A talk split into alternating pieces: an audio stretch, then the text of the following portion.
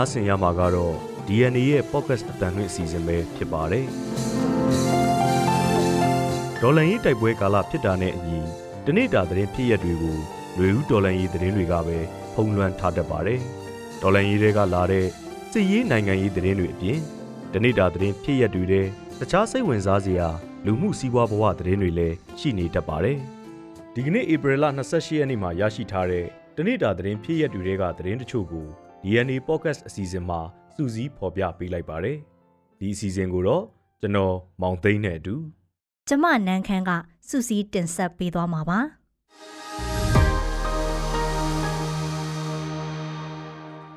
ပထမဦးဆုံးအနေနဲ့တိုက်ပွဲနှစ်ခုအတွင်းစစ်ကောင်စီက90ထက်မနည်းတေဆုံးတယ်လို့ KNDF ပြောတယ်ဆိုတဲ့အကြောင်းကိုပြောပြပေးပါမယ်။ကရင်နီကရားပြည်နယ်နဲ့ရှမ်းပြည်နယ်တောင်ပိုင်းအဆက်ဒေတာတွေမှာ ဧပြီ24ရက်နဲ့26ရက်တို့ကဖြစ်ခဲ့တဲ့တိုက်ပွဲနှစ်ခုအတွင်းစစ်ကောင်စီဘက်က90ထက်မနည်းတေဆုံးက2ဦးအရှင်ဖမ်းမိခဲ့တယ်လို့ဒဏ်ရာရသူတွေလည်းများတယ်လို့ကရင်နီအမျိုးသားများကာကွယ်ရေးတပ် KNDF ကဒီကနေ့မှထုတ်ပြန်ပါတယ်။ကရင်နီဒေတာအခြေစိုက်တော်လန်ရေးတပ်ဖွဲ့တွေနဲ့စစ်ကောင်စီတပ်တွေဟာပင်လောင်းမြို့နယ်နဲ့ဖဲခုံမြို့နယ်အဆက်ဒေတာမိုးပြဲမြို့ညောင်ဝိုင်းရက်ကွက်တို့မှာတိုက်ပွဲတွေဖြစ်ခဲ့ကြတာပါ။ ဒီတိုက်ပွဲနှစ်ခုလုံးဟာတော်လန်ရဲတပ်ဖွဲ့တွေဘက်ကစတင်ထိုးစစ်ဆင်တိုက်ခိုက်လာတာလို့ဆိုပါတယ်။ပင်လောင်မြို့နယ်နဲ့ဖဲခုံမြို့နယ်အဆက်မြောက်စလုံးရွာမှာတက်ဆွဲထားတဲ့စစ်ကောင်စီတပ်တွေကိုတော်လန်ရဲတပ်ပေါင်းစုကဧပြီ24ရက်မနက်ပိုင်းမှာစတင်တိုက်ခိုက်ရာကတနေကုန်နီးပါးတိုက်ပွဲဖြစ်ခဲ့ပြီးတော့စစ်ကောင်စီဘက်က30နဲ့အထက်သေဆုံးကဒဏ်ရာရသူတွေလည်းများတယ်လို့ KNDF ထုတ်ပြန်ချက်မှာဖော်ပြပါဗျ။ ဖဲခုံနဲ့ပင်လောင်အဆက်မှာတက်ဆွဲထားတဲ့စစ်ကောင်စီတပ်တွေဟာမြောက်စလုံးရွာတိုက်ပွဲပြီးနောက်တောင်မဲသိန်းရွာဖက်ကိုဆုတ်ခွာသွားပြီးလက်ရှိအထိစစ်ရေးတမ်းမှနေစေဖြစ်တယ်လို့သိရပါဗျ။မြောက်စလုံးရွာတိုက်ပွဲမှာ KNDF ဖက်ကတပ်ဖွဲ့ဝင်တအုပ်ကြဆုံးခဲ့တယ်လို့လည်းသိရပါဗျ။မိုးပြဲမြို့ညောင်ဝိုင်းရက်ကွက်မှာတက်ဆွဲထားတဲ့စစ်ကောင်စီတပ်တွေကိုဧပြီလ26ရက်မနက်ပိုင်းကဝင်ရောက်တိုက်ခိုက်ရှာမှာလဲစစ်ကောင်စီဘက်က20ဦးသေဆုံးက2ဦးအရှင်ဖမ်းမိခဲ့တယ်လို့ဆိုပါတယ် ဒီတိုက်ပွဲတွေအတွင်းစစ်ကောင်စီဘက်ကလေကြောင်းနဲ့လက်နက်ကြီးပစ်ကူတွေလည်းအသုံးပြုတိုက်ခိုက်ခဲ့တယ်လို့သိရပါတယ်။အဲ့ဒီတိုက်ပွဲနှစ်ခုကနေကရင်နီပူးပေါင်းတပ်တွေဟာလက်နက်26လက်အပါအဝင်ခဲယမ်းတွေနဲ့စစ်အုံအဆောင်တွေရခဲ့တယ်လို့လည်းထုတ်ပြန်ထားပါတယ်။ဒုတိယသတင်းတစ်ပုဒ်အနေနဲ့အစိုးရလင်းလင်းရိုက်ကူးတဲ့ဇကာနှစ်ကားနိုင်ငံတကာစုတွေရခဲ့တဲ့သတင်းကိုတင်ဆက်ပေးပါမယ်။အစိုးရလင်းလင်းကိုယ်တိုင်ဇန်ညွှန်းရေးပြီးဒရိုက်တာအဖြစ်ရိုက်ကူးထားတဲ့ဇလန်တိုတစ်ခုနဲ့ဂီတရုပ်ရှင်ဇကာတို့ဟာ ကိန်းဝါဖလင်ဖက်စတီဗယ်ကပေးတဲ့စုတစုစီရခဲ့တယ်လို့သိရပါဗျ။ Land the Way အမည်ရဂီတရုပ်ရှင်ကားနဲ့ Summit the Beginning အမည်ရဇလန်တိုတွေကိုကိန်းဝါဖလင်ဖက်စတီဗယ်မှာပြသဖို့ရွေးချယ်ခဲ့ပြီးအခုလိုစုတွေလည်းပေးအပ်လိုက်တာပါ။ Land the Way ဂီတရုပ်ရှင်ကားက Best Mobile Feature Film ဆုရခဲ့ပြီးစမှတ်ကိုတော့ Best Educational Film Award ဆုအတွက်ရွေးချယ်ခဲ့တာပါဒီဇာကားနှစ်ကားလုံးကို iPhone တွေနဲ့ရိုက်ကူးခဲ့တာဖြစ်တယ်လို့သိရပါတယ်။ Land the Way ဂီတရုပ်ရှင်ကားဟာတနာ E ကျော်ကြာမြင့်တဲ့ဂီတဇလန်းရှည်တစ်ခုဖြစ်ပြီးရိုက်ကူးရေးနဲ့ဂီတဒူရိယာတွေစက်ပစ္စည်းကိရိယာတွေအစုံလင်မရှိတဲ့ကြားကရိုက်ကူးခဲ့ရတာလို့အဆိုတော်လင်းလင်းကသူ့ရဲ့လူမှုကွန်ရက်စာမျက်နှာမှာရေးသားဖော်ပြထားပူပါတယ်။ဇလန်တိုတစ်ခုဖြစ်တဲ့စမတ်ဇကားကတော့ဒေါ်လန်ရေးအတွက်ရမုံငွေရှာဖွေရေးအစီအစဉ်တွေအနေနဲ့အွန်လိုင်းကနေပြသခဲ့ဘူးသလိုယူကရိန်းနိုင်ငံအခြေစိုက်ဇလန်တိုပြပွဲတစ်ခုကပေးတဲ့ Best Short Film Award ဆုလည်းရရှိခဲ့ပူပါတယ်။ စမတ်ဇကားမှာအစိုးရလင်းလင်းရဲ့ဇနီးဖြစ်သူချစ်သူဝေဒေါင်းတို့ပါဝင်တရုပ်ဆောင်ထားပြီး Land the Way ဂီတရုပ်ရှင်မှာတော့ချစ်သူဝေအောင်မြင့်မြတ်မျက်နှိုးအေးတို့ပါဝင်တရုပ်ဆောင်ထားကြပါတယ်။ဆက်လက်ပြီးတော့မြန်မာလာအိုနယ်စပ်ဂိတ်တွေကနေတတိယနိုင်ငံသားတွေကိုပါဝင်ခွင့်ပေးဖို့စစ်ကောင်စီစီစဉ်နေတဲ့ဆိုတဲ့အကြောင်းကိုပြောပြပေးပါမယ်။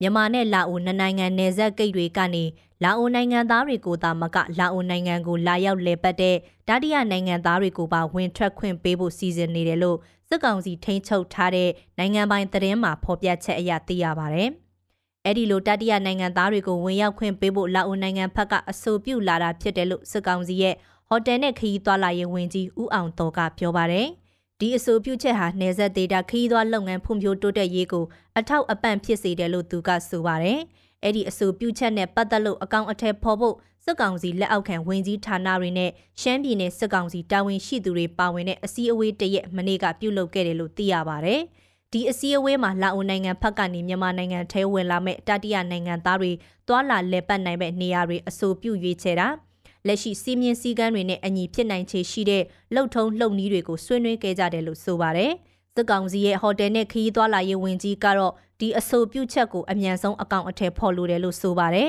။ပြီးခဲ့တဲ့ NLD အစိုးရလက်ထက်2018ခုနှစ်ကလည်းမြန်မာနဲ့လာအိုနယ်စပ်ကကျိုင်းလက်နဲ့ဝန်ပုံဂိတ်နှစ်ခုကိုတတိယနိုင်ငံသားတွေပါဝင်ထွက်နိုင်တဲ့အပြည်ပြည်ဆိုင်ရာဂိတ်တွေအဖြစ်သတ်မှတ်ကြေညာခဲ့ပူပါတယ်။နောက်ထပ်သတင်းတစ်ပုဒ်အနေနဲ့မီးမမှန်လို့ကုန်ကြစရိတ်နှစ်ဆတိုးလာတယ်ဆိုတဲ့ တီရကူရေးလူတော်အသင်းအကြောင်းကိုပြောပြပေးပါမယ်။စကိုင်းတိုင်းစကိုင်းမြို့စကိုင်းတောင်ရိုးပေါ်မှာရှိတဲ့ဘုံကြီးကျောင်းတွေနဲ့မေဒီလာရှင်ကျောင်းတွေကိုအေယာဝတီမြစ်ရေစုပ်ယူပြီးဖြန့်ဝေလှူဒန်းနေတဲ့တီရကူရေးလူတော်အသင်းအနေနဲ့လက်တလောမီးပြတ်ချိန်များလို့မီးစက်နဲ့ရေတင်နေရပြီးကုန်ကြစရိတ်နှစ်ဆလောက်တိုးလာတယ်လို့ရေလူတော်အသင်းနဲ့နှီးဆက်သူတွေကပြောပါတယ်။တီရကူရေလူအဖွဲ့ဟာစကိုင်းတောင်မင်းဝန်းတောင်မင်းကွန်းတောင်စတဲ့တောင်သုံးလုံးပေါ်က တီလာရှင်နဲ့ဘုံကြီးကျောင်းတွေကိုရေလူပေးနေတာပါ။အဲဒီလိုရေဖြန့်ဝေတဲ့နေရာမှာအရင်ကလျှက်စစ်မီးနဲ့ရေတင်နေတဲ့အတွက်တလမီတာကကြက်သိန်း400လောက်ပေးရပြီးလက်ရှိမှာမီးစက်နဲ့ရေတင်နေရတဲ့အတွက်ကုန်ကျစရိတ်ကနှစ်ဆမြင့်တက်လာတာလို့ရေလူတော်အသင်းနဲ့နှီးဆက်သူတူကပြောပါတယ်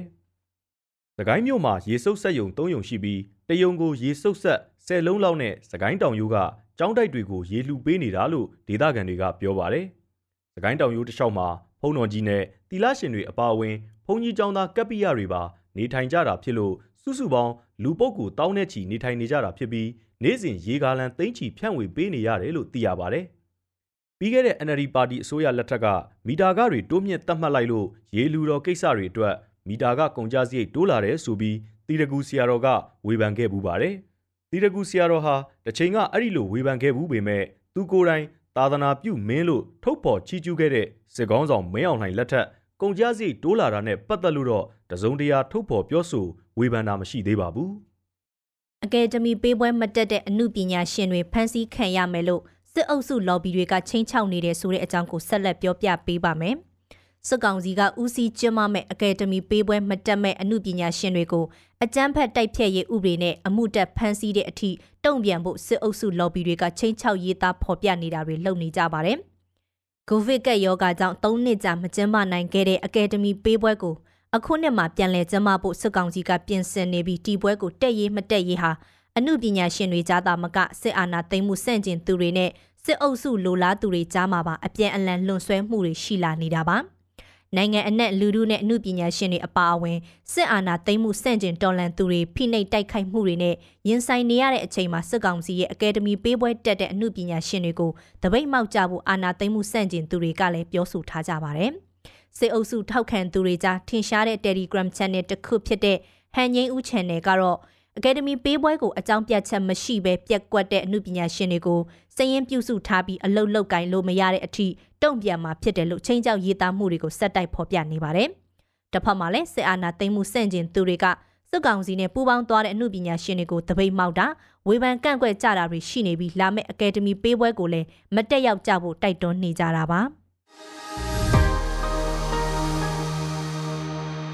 အခုနိုင်ငံတကာသတင်းအစီအစဉ်ကိုကိုမောင်သိန်းကဆက်လက်တင်ဆက်ပေးပါမယ်။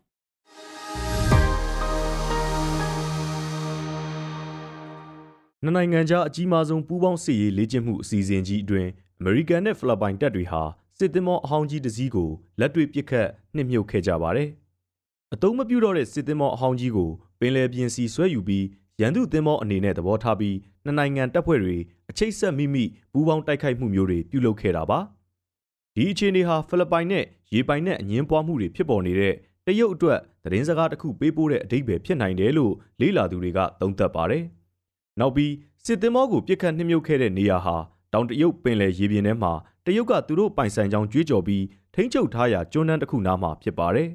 ။ဖိလစ်ပိုင်သမ္မတဖာဒီနန်မာကုစ်ဂျူနီယာဘွန်ဘွန်ဟာဒေတာရင်းအင်အားကြီးတရုတ်ရဲ့ချင်းချောက်မှုတွေကိုတွန်းလှန်ဖို့အမေရိကန်ပေါ်စစ်ရေးအရာပုံမှုမိခိုမဲ့သဘောထားမျိုးကိုတိတိတသာပြသလာတယ်လို့နိုင်ငံတကာအရေးစောင့်ကြည့်သူတွေကဆိုပါတယ်။အခုသတင်းပတ်စစ်ရေးလေ့ကျင့်မှုနောက်ဆုံးနေ့မှာလဲ ဘွန်ဘွန်ဟာနိုင်ငံတပ်ဖွဲ့တွေပူးပေါင်းလေ့ကျင့်နေတဲ့နေရာစီကိုယ်တိုင်သွားရောက်ခဲ့တာတွေ့ရပါတယ်။ဖိလစ်ပိုင်နဲ့အမေရိကန်တို့ဟာဘာလီကာတန်လို့နာမည်ပေးထားတဲ့ပူးပေါင်းစစ်ရေးလေ့ကျင့်မှုတွေကိုနှစ်စဉ်ပြုလုပ်လေ့ရှိပေမဲ့ဒီတစ်ကြိမ်ကတော့အင်အားအများဆုံးလက်နက်တွေအစုံလင်ဆုံးအသုံးပြုခဲ့တဲ့အပြင်ရေပြင်မှာအကြီးစားပြစ်မှတ်တစ်ခုကိုပါလက်တွေတိုက်ခိုက်နှိမ့်မြုပ်တဲ့အထိချဲ့ထွင်ထားခဲ့တာဖြစ်ပါတယ်။ဒီစစ်ရေးလေ့ကျင့်မှုမှာနှစ်နိုင်ငံရဲ့မရိန်းတပ်ဖွဲ့ဝင်တွေစစ်သားတွေလေတပ်သားတွေသင်္ဘောသားတွေနဲ့ ကမ်းခြေဆောင်တပ်ဖွဲ့ဝင်တွေစုစုပေါင်း1400ဝန်းကျင်လောက်ပူးပေါင်းပါဝင်ခဲ့ပါတယ်။ပြီးတော့မြေပြင်အခြေစိုက်လက်နက်ကြီးတွေဝေဟင်ကနေမြေပြင်ပစ်စစ်လက်နက်တွေတိုက်ခိုက်ရေးရဟတ်ယာဉ်တွေနဲ့လေယာဉ်တွေကိုပါအသုံးပြုခဲ့ကြပါတယ်။နောက်ပြီးလေကြောင်းကာကွယ်ရေးစနစ်တွေအတွဲလိုက်ပစ်လောင်ချာစနစ်တွေကိုနှစ်နိုင်ငံချိတ်ဆက်အသုံးပြုခဲ့သလို AA64 တိုက်ခိုက်ရေးရဟတ်ယာဉ်တွေကိုပါပြန်တန်းခဲ့ကြပါတယ်။အခုစီရေးလေ့ကျင့်မှုကို2012ခရဲက တရုတ်ကထိန်းချုပ်ထားရာစကာဘရော့ကျွန်းတန်းနာကတောင်တရုတ်ပင်လယ်ရေပြင်မှာပြုလုပ်ခဲ့တာပါ။အဲ့ဒီကျွန်းတန်းဟာတရုတ်နဲ့ဖိလစ်ပိုင်တို့ကြားရေပိုင်နက်ကိစ္စအငင်းအခုန်တွေပြင်းပြင်းထန်ထန်ဖြစ်ပေါ်စေတဲ့နေရာတွေတဲကတစ်ခုလည်းဖြစ်ပါတယ်။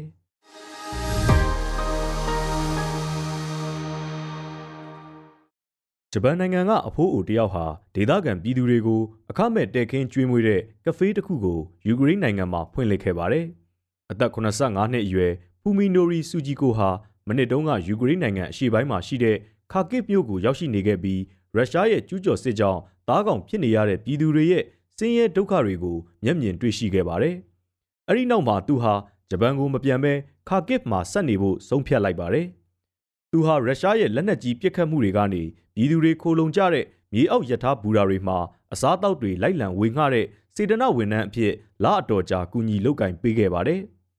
အဲဒီနောက်မြေအောက်ယထာဘူရာတစ်ခုမှာခင်မင်းတီကျွမ်းလာတဲ့ယူကရိန်းနိုင်ငံသားတယောက်နဲ့ပူးပေါင်းပြီးဖူမီကဖေးကိုခါကစ်မြို့တဲကဆယ်တစ်ကာရက်ကွက်မှာစတင်ဖွင့်လှစ်ခဲ့တာဖြစ်ပါတယ်။အဲ့ဒီကဖေးဟာငွေကြေးမတက်နိုင်သူတွေအတွက်အခမဲ့အစားအသောက်တွေစီစဉ်ကျွေးမွေးဖို့ရည်ရွယ်ထားတာဖြစ်ပါတယ်။သူ့ရဲ့ပရာဟိတဆိုင်လေးဟာဂျပန်နိုင်ငံသားတွေအွန်လိုင်းကနေထောက်ပံ့လှူဒန်းကြတဲ့ငွေတွေနဲ့အဓိကရက်တည်နေတာလို့စူဂျီကိုကရှင်းပြပါတယ်။ သူဟာမြေအောက်ယထာဘူရာတွေမှာပဲနေပြီးအဲ့ဒီနေရာတွေမှာပဲအိတ်ဆက်ရင်းခုနှစ်လကြာဖြတ်တန်းခဲ့ကြောင်းအဲ့ဒီအတော်အတွင်းယူကရိန်းပြည်သူအများကြီးနဲ့အတူနေထိုင်ခဲ့ကြောင်းတိုကျိုမြို့ကြီးသားစူဂျီကိုကပြောပါတယ်။အခုတော့သူဟာစင်ရဲဒုက္ခကြုံနေတဲ့ခါကစ်ပြည်သူတွေအတွက်ဘုံမိုထိရောက်တဲ့အကူအညီအဖြစ်ဖူမီကဖေးကိုလက်တွေ့ဖွင့်လှစ်ပြီးတနေ့ကိုပြမ်းမြလူ900လောက်ကိုကူညီကျွေးမွေးနေပါတယ်။ သူ့ရဲ့ကဖေးဟာငွေကြေးမတက်နိုင်သူတွေစီကတပြားတစ်ချက်မှမကောက်ယူပဲလှူဒန်းကျွေးမွေးပေမဲ့တချို့ယူကရိန်းနိုင်ငံသားတွေကတော့ပတ်စံကူညီလှူဒန်းခြင်းလို့ကိုတကူးတကသွားရောက်အားပေးကြတယ်လို့သိရပါတယ်။ကိုယ်တိုင်ငွေသွားလှူတဲ့ယူကရိန်းအမျိုးသမီးတဦးကဒုက္ခကြုံနေတဲ့ပြည်သူတွေအတွက်သူတို့ရဲ့ဘဝနဲ့အချိန်တွေကိုပါပေးဆက်ပြီးထဲထဲဝင်ဝင်ကူညီနေတဲ့ဂျပန်သားကြီးလိုနှလုံးလှလူပုဂ္ဂိုလ်တွေရှိနေသေးတာကြောင့်အလွန်ကြည်နူးမိတယ်လို့ပြောပါတယ်။မနစ်တုန်းကဖေဖော်ဝါရီလမှာ ရုရှားကယူကရိန်းကိုစတင်ကျူးကျော်တဲ့တိုက်ခိုက်ခါနီးမှာစူချီကိုဟာခါကစ်မြို့ထဲမှာကဘာလှည့်ခီးတဲ့အဖြစ်ရှိနေခဲ့တာပါ။ရုရှားတွေကျူးကျော်စစ်အတွက်ပြင်ဆင်နေချိန်ကတည်းကဂျပန်တန်ယုံကသူ့ကိုဆက်သွယ်ပြီးယူကရိန်းကနေထွက်ခွာဖို့တိုက်တွန်းခဲ့ပါတယ်။သူဟာပိုလန်နိုင်ငံဝါဆောမြို့ကိုခဏတာတွားရောက်တင်းရှောင်ခဲ့ပေမဲ့နှစ်လအကြာမှာခါကစ်ကိုပြန်သွားပြီးအဲ့ဒီကလေးကလုံးဝမခွာတော့ပါဘူး စစ်ပွဲမှာခါကစ်ဟာရုရှားတပ်တွေရဲ့သိမ်းပိုက်မှုကိုခံရလူနီးပါးဖြစ်ပေမဲ့အစွမ်းကုန်တွန်းလှန်ပြီးကျူးကျော်သူတွေကိုနေဆက်ထိပြန်ဆုတ်ခွာစေခဲ့ပါတယ်ထိုးစစ်ဦးကျိုးခဲ့တဲ့တိုင်ရုရှားတပ်တွေဟာခါကစ်ကိုအဝေးကနေလက်နက်ကြီးတွေနဲ့ပစ်ခတ်တိုက်ခိုက်မှုတွေဆက်လက်လှုပ်ဆောင်နေဆဲဖြစ်ပါတယ်။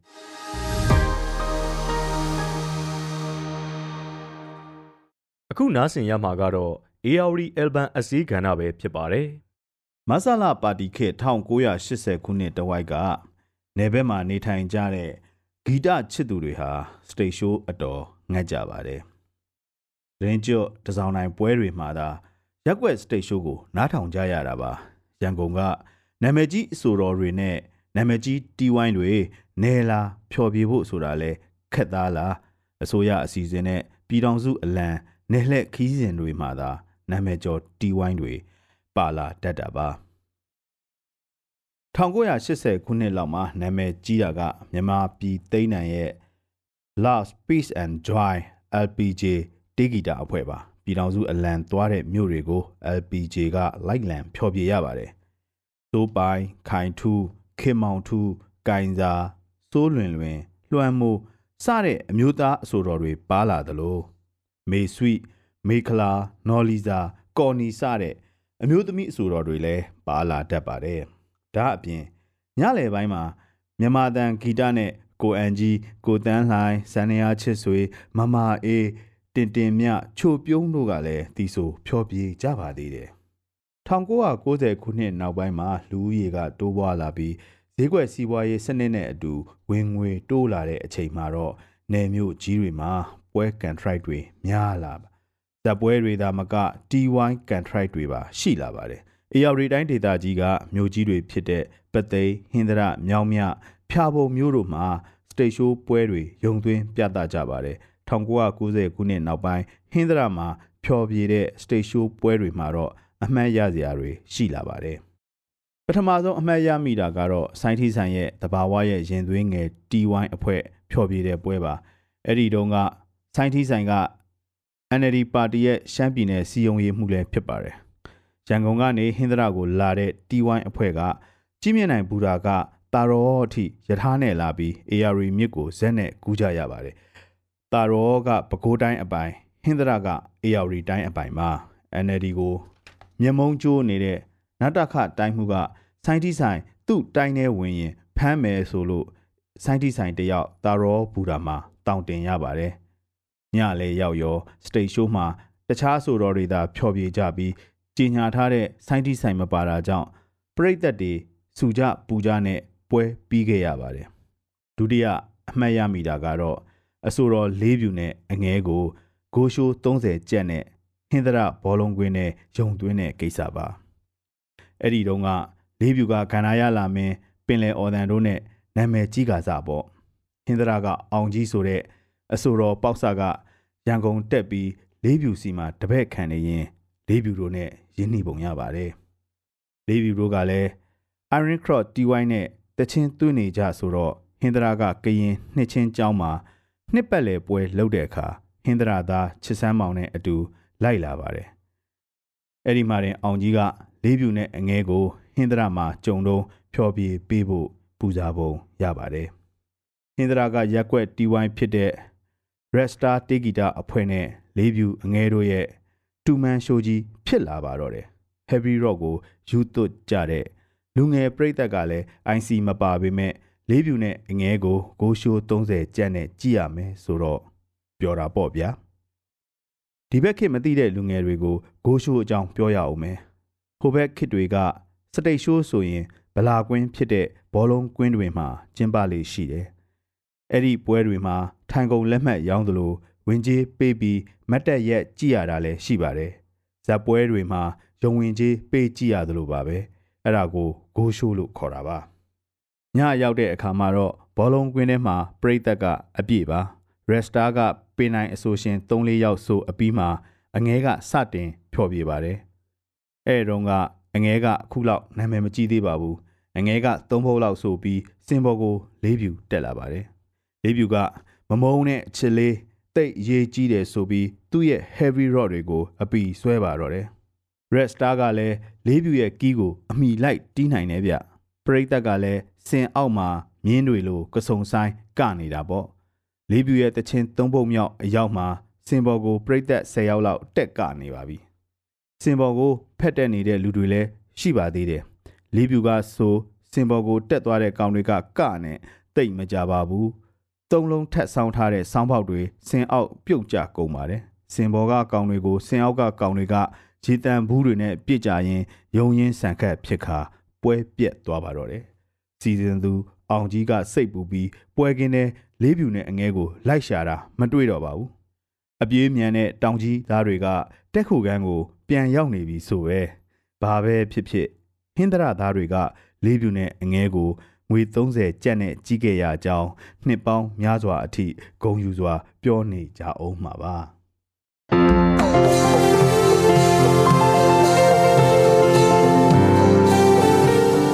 DNA ရဲ့ podcast အတန်လွင့်အစီအစဉ်ကိုအပတ်စဉ်တင်းလာနေကနေတောက်ကြနေည9:00နာရီတိုင်းမှာတင်ဆက်ပေးသွားမှာပဲဖြစ်ပါတယ်။ဒီအစီအစဉ်ကိုတော့ DNA ရဲ့ Facebook Page ကနေအပြင် Anchor, Spotify နဲ့ Google Podcast တို့တွေကနေတဆင့်လဲ နားဆင်နိုင်ပါတယ်ခင်ဗျာ။